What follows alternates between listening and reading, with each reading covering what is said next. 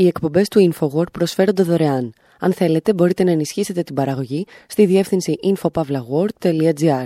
Η διεύθυνση infopavlagor.gr.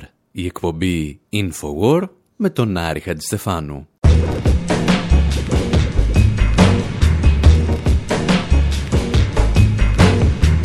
Όπου σήμερα ανακατεύουμε σκόρπιες σκέψεις και τραγούδια για ήρωες με στολές γιατρών και νοσοκόμων, αλλά και για επικίνδυνους κακοποιούς με γραβάτες και ράσα.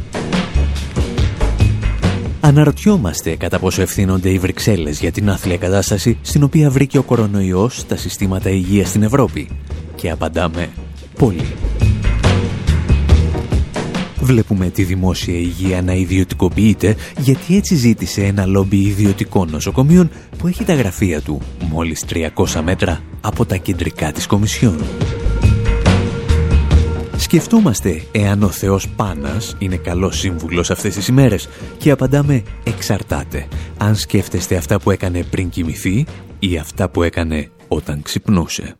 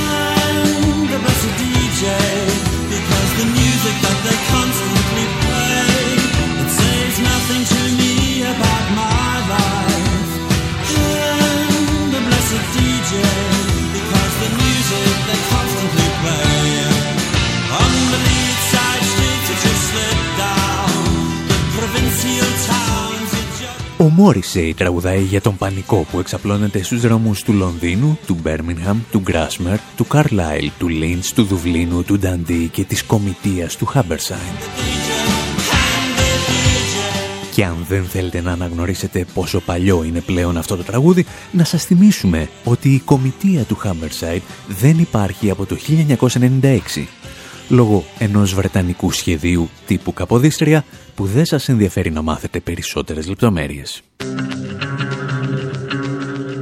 Αυτό που σας ενδιαφέρει είναι ότι ο Μόρισεϊ λέγεται ότι εμπνεύστηκε τους στίχους του τραγουδιού το 1986 όταν άκουσε σε ένα δελτίο ειδήσεων του BBC τις πρώτες πληροφορίες για ένα πυρηνικό δυστύχημα που είχε συμβεί κάπου, λέει, στη Σοβιετική Ένωση. But first that explosion at a nuclear plant in the Soviet Union. What caused it and how many people did it hurt?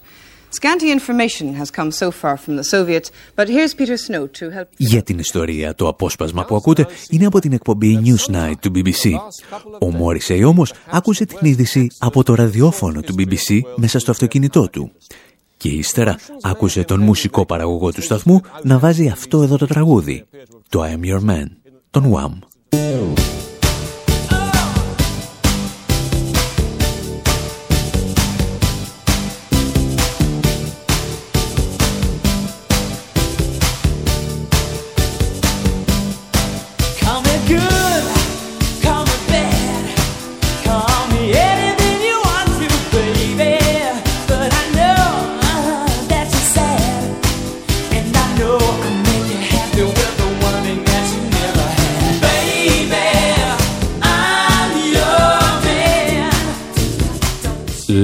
Λέγεται ότι ο Μόρισεϊ εκνευρίστηκε τόσο πολύ που το BBC έβαλε αυτό το τραγούδι μετά την είδηση για το Τσέρνομπιλ, ώστε έγραψε τον στίχο «Hank the DJ» «Κρεμάστε τον DJ» και το δικαιολόγησε λέγοντας ότι η μουσική που παίζει δεν έχει να πει τίποτα σχετικά με τη ζωή μου.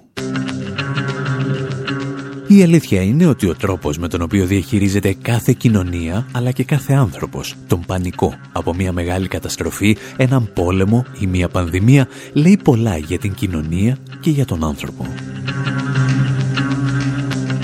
Στις Ηνωμένες Πολιτείες, λόγου χάρη, όταν άκουσαν ότι στη Σοβιετική Ένωση είχε μόλις σημειωθεί το μεγαλύτερο πυρηνικό δυστύχημα στον 20ο αιώνα, κάποιοι αντέδρασαν ως εξής. That Soviet nuclear accident in the Ukraine created fallout today in Chicago.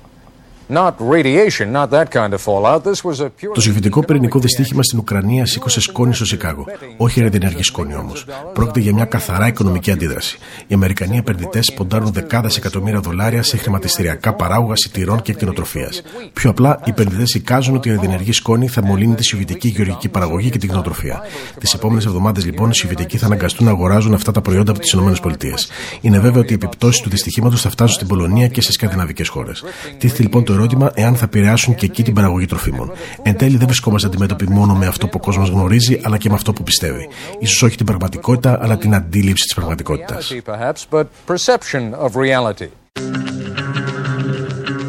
Όπως καταλαβαίνετε, το τραγουδάκι που έπαιξε ένας μουσικός παραγωγός του BBC μετά την είδηση για το δυστύχημα στο Τσερνομπίλ ήταν πτέσμα σε σχέση με το πώς αντέδρασαν οι Αμερικανοί χρηματιστές στην ίδια πληροφορία.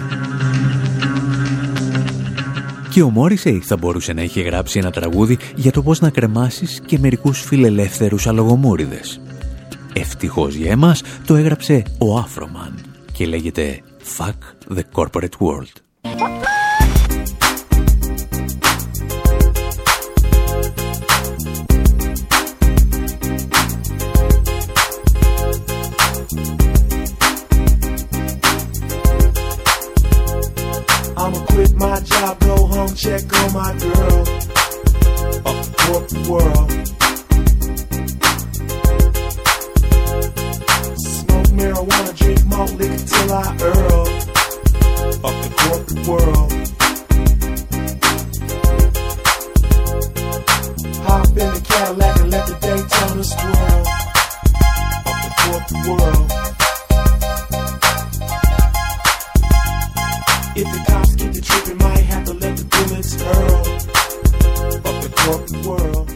Ο πανικός λοιπόν, ο δικός μας ή των άλλων, δείχνει ποιοι πραγματικά είμαστε.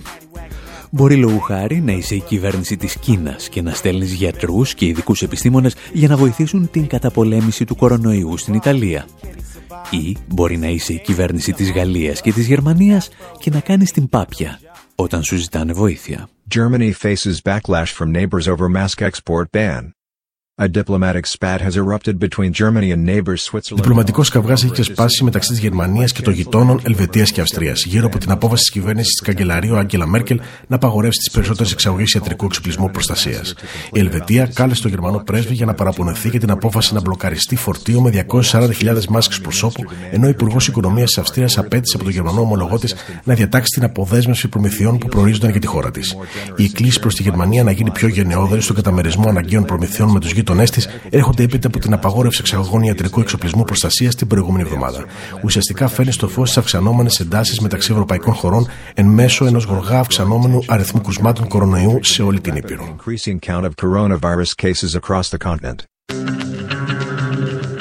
Και μια πληροφορία που θα χρειαστούμε για το δεύτερο μέρος της εκπομπής. Η απόφαση της Γερμανίας να απαγορεύσει τις εξαγωγές εξοπλισμού που θα μπορούσε να βοηθήσει την αντιμετώπιση του κορονοϊού σε χώρες όπως η Ιταλία έρχεται σε απόλυτη σύγκρουση με τις βασικότερες αρχές λειτουργίας της Ευρωπαϊκής Ένωσης. Η χώρα δηλαδή που έβλεπε ανθρώπους να αυτοκτονούν λόγω των μνημονίων στην Ευρωπαϊκή Περιφέρεια και δεν έκανε τίποτα για να μην θίξει την Ευρωπαϊκή Ένωση και το ευρώ, τώρα τα τεινάζει όλα στον αέρα για να σώσει το τομάρι της. Αυτή η συμπεριφορά βέβαια δεν παρατηρείται μόνο σε επίπεδο κρατών που εν τέλει έχουν και υποχρέωση να υποστηρίζουν πρωτίστως τον πληθυσμό τους. Παρατηρείται και σε επίπεδο ανθρώπων.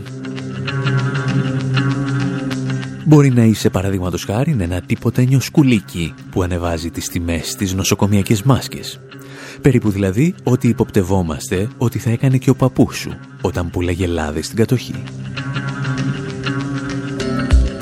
Μπορεί επίσης να είσαι και ο υπεύθυνος υπουργός για την πάταξη της εσχροκέρδειας και όλοι να είναι σίγουροι τι θα έκανες αν είχες προλάβει την κατοχή. Η αύξηση είναι περίπου από το 1 ευρώ στα 3.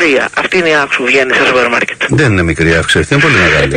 Δεν είναι μικρή ποσοστιαία, Βέβαια. αλλά όχι και αδικαιολόγητη. Γιατί ένα προϊόν αυξάνει τη τιμή του βάσει του κόστους. Προσφορά και ζήτηση. Βάσει προσφοράς, δεν είναι. Ο πανικός λοιπόν είναι γενικά κακός σύμβουλος, αλλά ειδικά μπορεί να είναι καλός όταν χρειάζεται να κρίνουμε την ποιότητα κάποιων ανθρώπων. Και όπως μας θύμισε προημερών η Wall Street Journal, η λέξη πανικός προέρχεται από τον Θεό Πάνα, ο οποίος επίσης είχε διτή προσωπικότητα και υπόσταση, καθώς ήταν ο μισός άνθρωπος και ο μισός κτίνος. Ο μισός μάλιστα παρουσιαζόταν ως εραστής κάθε νέας ή νέου που τον πλησίαζε και ο άλλος μισός ήταν εραστής εγωπροβάτων. Κάτι δηλαδή σαν τον ήρωα του Woody Allen, Σταύρο Μήλο, ο οποίος επισκέπτεται το γιατρό για να εξομολογηθεί τον ερωτά του για μία προβατίνα. Now, what seems to be the trouble? I'm in love with a sheep.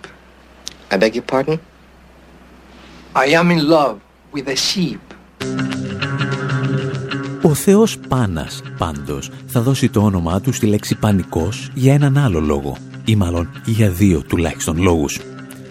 Στην ελληνική Wikipedia θα διαβάσετε ότι στη μάχη του Μαραθώνα βοήθησε τους Έλληνες εναντίον των Περσών με δυνατές και τρομακτικές φωνές. Συγκεκριμένα επαναλάμβανε ρυθμικά το όνομά του. Παν, παν, παν. Με συνέπεια λέει οι Πέρσες ακούγοντάς τον να καταληφθούν από πανικό. Στην αγγλική εκδοχή της Wikipedia όμως θα διαβάσετε ότι η λέξη πανικός προέρχεται από τους ήχους που έβγαζε ο Θεός Πάνας όταν ξυπνούσε από τον μεσημεριανό του ύπνο. Έναν ήχο τόσο τρομακτικό που προκαλούσε πανικό στα κοπάδια των ζώων, γράφει η Wikipedia. Και δει στις προβατίνες, θα συμπληρώναμε εμείς.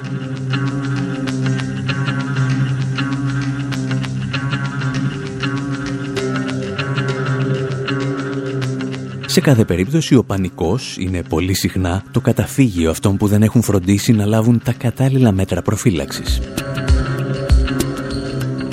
Σε άλλες περιπτώσεις είναι απλώς το συνέστημα που αισθάνεται ο μέσος φιλελεύθερος, ο οποίος συνειδητοποιεί ότι η λιτότητα και οι ιδιωτικοποιήσεις που προωθούσε όλα αυτά τα χρόνια μέσω της Ευρωπαϊκής Ένωσης τώρα απειλούν την ίδια του τη ζωή.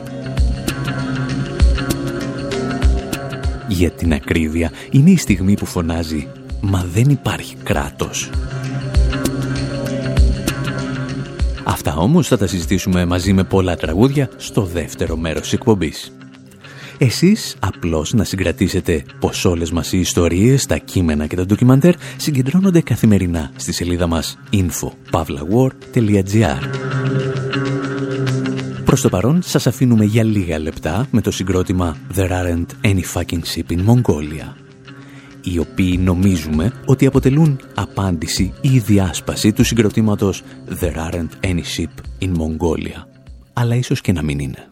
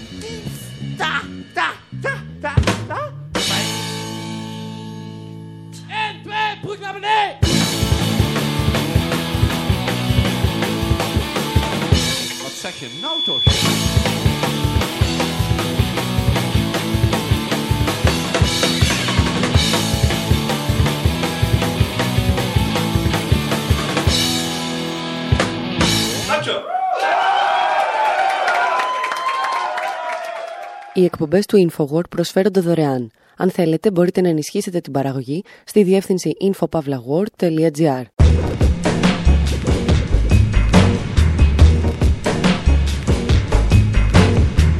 Εκπομπή InfoWord, μέρος δεύτερο όπου αφού συζητήσαμε για τους μαυραγορείτες του κορονοϊού, για τη Γερμανία που δεν δίνει μάσκες στην Ιταλία και για τον πανικό, ο οποίος πάντα αποκαλύπτει το πραγματικό πρόσωπο των ανθρώπων, περνάμε στο κύριος πιάτο, την Ευρωπαϊκή Ένωση. Σκεφτόμαστε αν είναι υπεύθυνοι ή συνυπεύθυνοι για την καταστροφή των ισχυρότερων συστημάτων δημόσιας υγείας στην ιστορία της Ευρώπης. Συζητάμε για ένα λόμπι μόλις 300 μέτρα από το στρατηγείο της Κομισιόν που ροκανίζει εδώ και χρόνια τα ιδιωτικά συστήματα υγείας. Και ανάμεσα σε όλα αυτά ακούμε και τραγουδάκια εύθυμα για τους ήρωες των ημερών, τους γιατρούς και το νοσηλευτικό προσωπικό των νοσοκομείων, δηλαδή για το αντίθετο των παπάδων.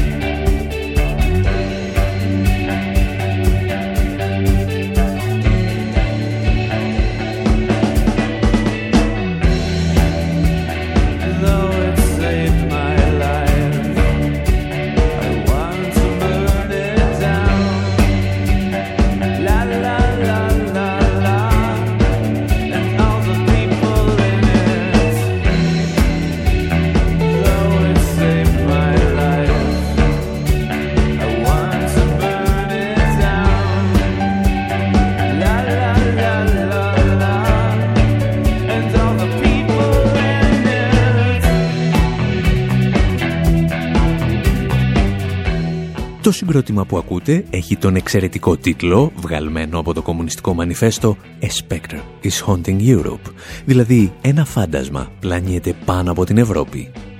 Και ο τίτλος του τραγουδιού «Hospital Problems», νοσοκομιακά προβλήματα.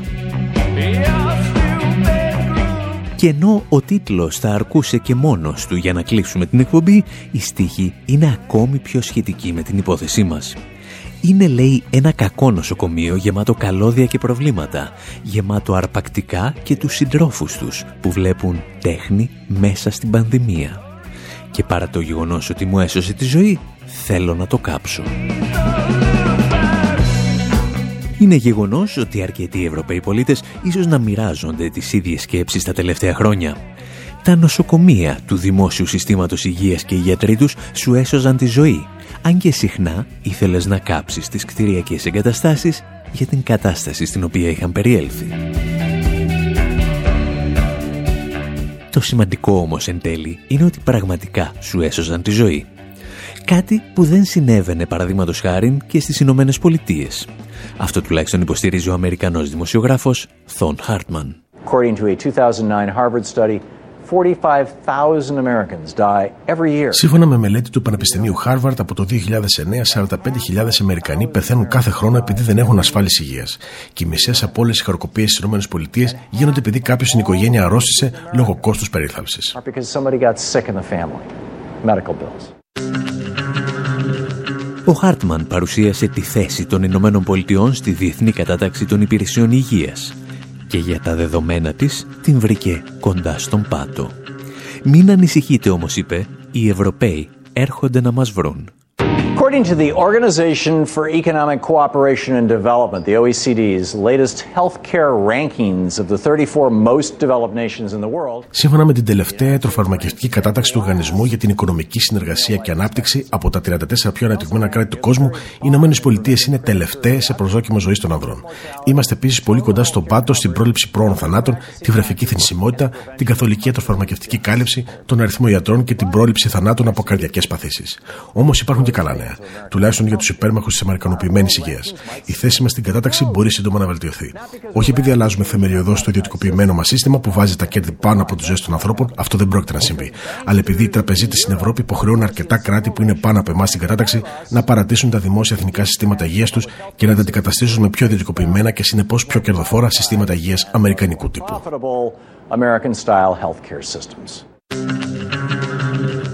Για να κινδυνεύει βέβαια το σύστημα υγείας των ευρωπαϊκών χωρών με κατάρρευση σημαίνει ότι κάποτε είχε γνωρίσει ημέρες λαμπρής δόξας. Και για αυτή την ιστορία θα χρειαστούμε τη βοήθεια του Otto von Bismarck. Και το μόνο τραγούδι που βρήκαμε για την πάρτη του είναι αυτό εδώ, του Ιταλού Ρίνο Γκαετάνο.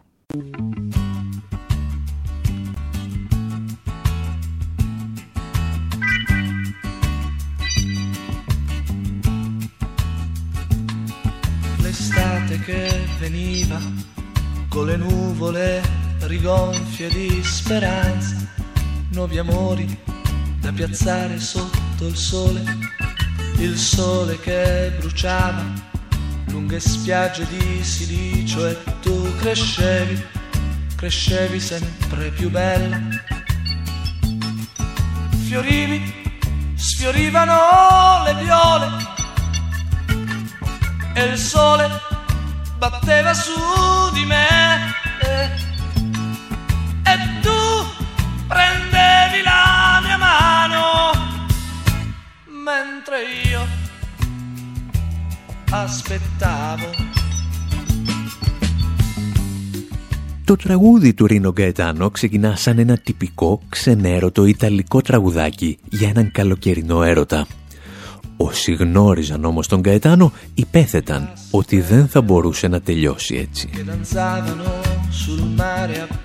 Σε κάποια στιγμή του τραγουδιού η τύπησα φαίνεται ότι τον στείνει άγρια σε ένα ραντεβού και αυτός τα παίρνει στο κρανίο.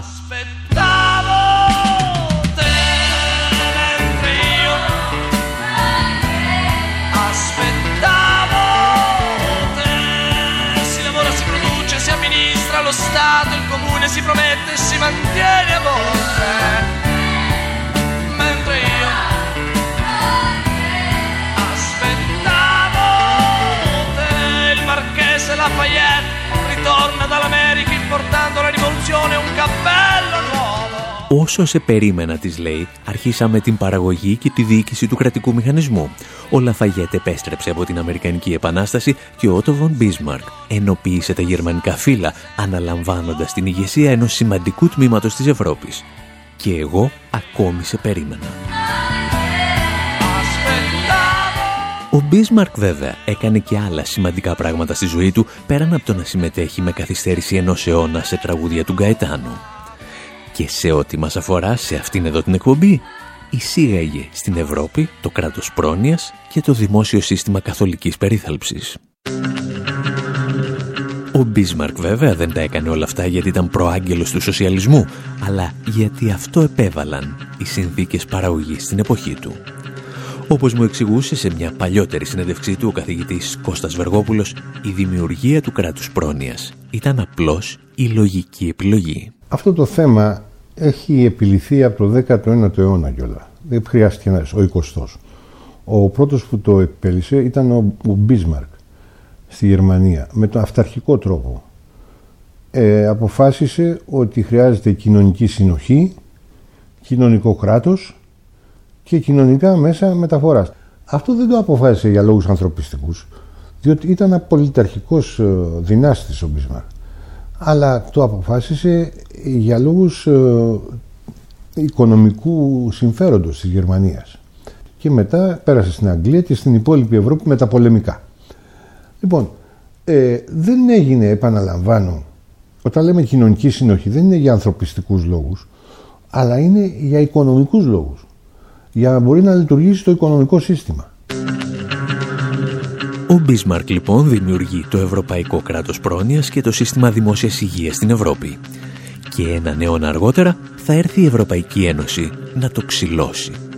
Και η γυραιά Ήπειρος θα αρχίσει έτσι να γνωρίζει συνθήκες των αρχών του 19ου αιώνα.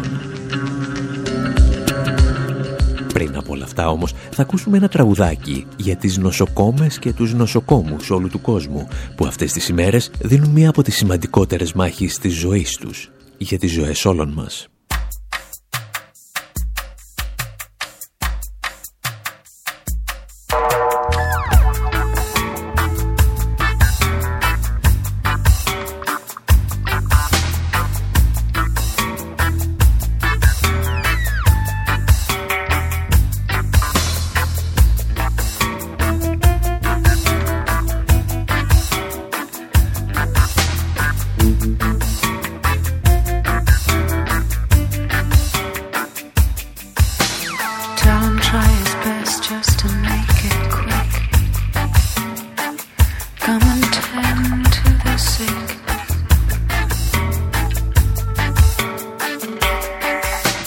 There must be something he can do. His heart is broken in two.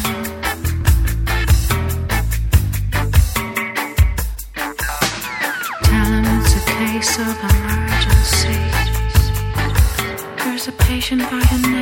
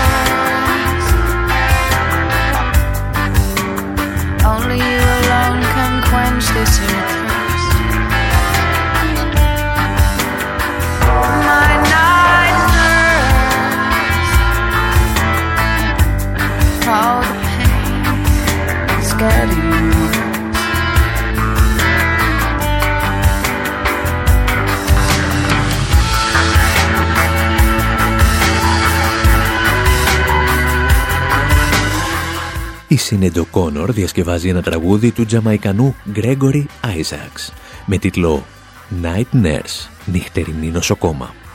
Αυτό το είδος που στην Ευρώπη τίνει προς εξαφάνιση ή τουλάχιστον σημαντική μείωση. Σε χώρες όπως η Ελλάδα, το νοσηλευτικό προσωπικό ψαλιδίστηκε στα χρόνια του μνημονίου με ρυθμούς που δεν έχει γνωρίσει καμία άλλη ευρωπαϊκή χώρα. Στα πρώτα χρόνια της κρίσης, από το 2009 έως το 2013, οι κατακεφαλήν δαπάνες για την υγεία μειώνονταν κάθε χρόνο κατά 8,7%. Και στη Βρετανία όμως, η οποία δεν έζησε μνημόνια, το νοσηλευτικό προσωπικό άρχισε να εξαφανίζεται. Για την ακρίβεια, νοσηλευτές εγκαταλείπουν μαζικά το επάγγελμα λόγω των απάνθρωπων συνθήκων εργασίας και των ορών που επιβάλλει η εντατικοποίηση στο δημόσιο σύστημα υγείας. Προφανώς κάθε χώρα και κάθε κυβέρνηση είχε τους δικούς της λόγους για να διαλύει το δημόσιο σύστημα υγείας. Είναι ένας τρόπος να ενισχύσεις ιδιώτες επιχειρηματίες που θα στηρίξουν την επανεκλογή σου. Για να διαλύσεις όμως κάτι τόσο μεγάλο χρειάζεται συντονισμός. Και αυτό ακριβώς ανέλαβε να προσφέρει εδώ και δεκαετίες η Ευρωπαϊκή Ένωση.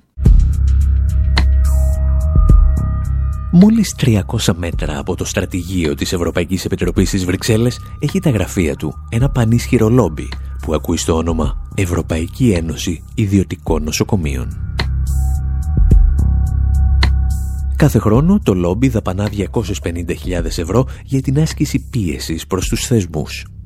Και έτσι τα στελέχη τους συμμετέχουν πλέον στις σημαντικότερες συμβουλευτικές επιτροπές που καθορίζουν την πολιτική της Ευρωπαϊκής Ένωσης για την υγεία. Παρά το γεγονός ότι θεωρείται σχετικά μικρό λόμπι, αν το συγκρίνεις λόγου χάρη με τα λόμπι των φαρμακευτικών εταιριών, είναι σχεδόν αδύνατο να σκεφτεί κανείς έστω και μία απόφαση της Ευρωπαϊκής Ένωσης για τον κλάδο της υγείας που να μην ευνόησε αυτό το λόμπι. Και όλα αυτά μπορούν να γίνουν με πάρα πολλούς τρόπους.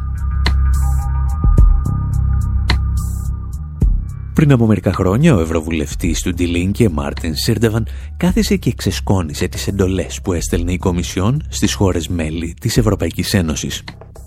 Διαπίστωσε έτσι ότι από το 2011 έως το 2018 η Ευρωπαϊκή Επιτροπή ζήτησε 63 φορές από κράτη-μέλη της να μειώσουν τις δαπάνες για την υγεία ή να προχωρήσουν σε ιδιωτικοποίηση στον κλάδο.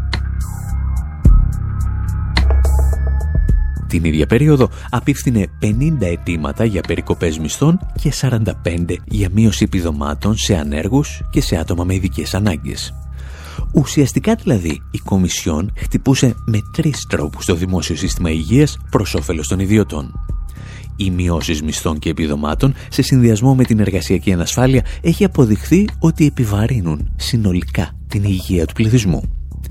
Οι περικοπές στον κλάδο υγείας διαλύουν τα δημόσια νοσοκομεία, ενώ τα προγράμματα αποκρατικοποιήσεων στέλνουν τα χρήματα των φορολογούμενων απευθείας στα ιδιωτικά νοσοκομεία.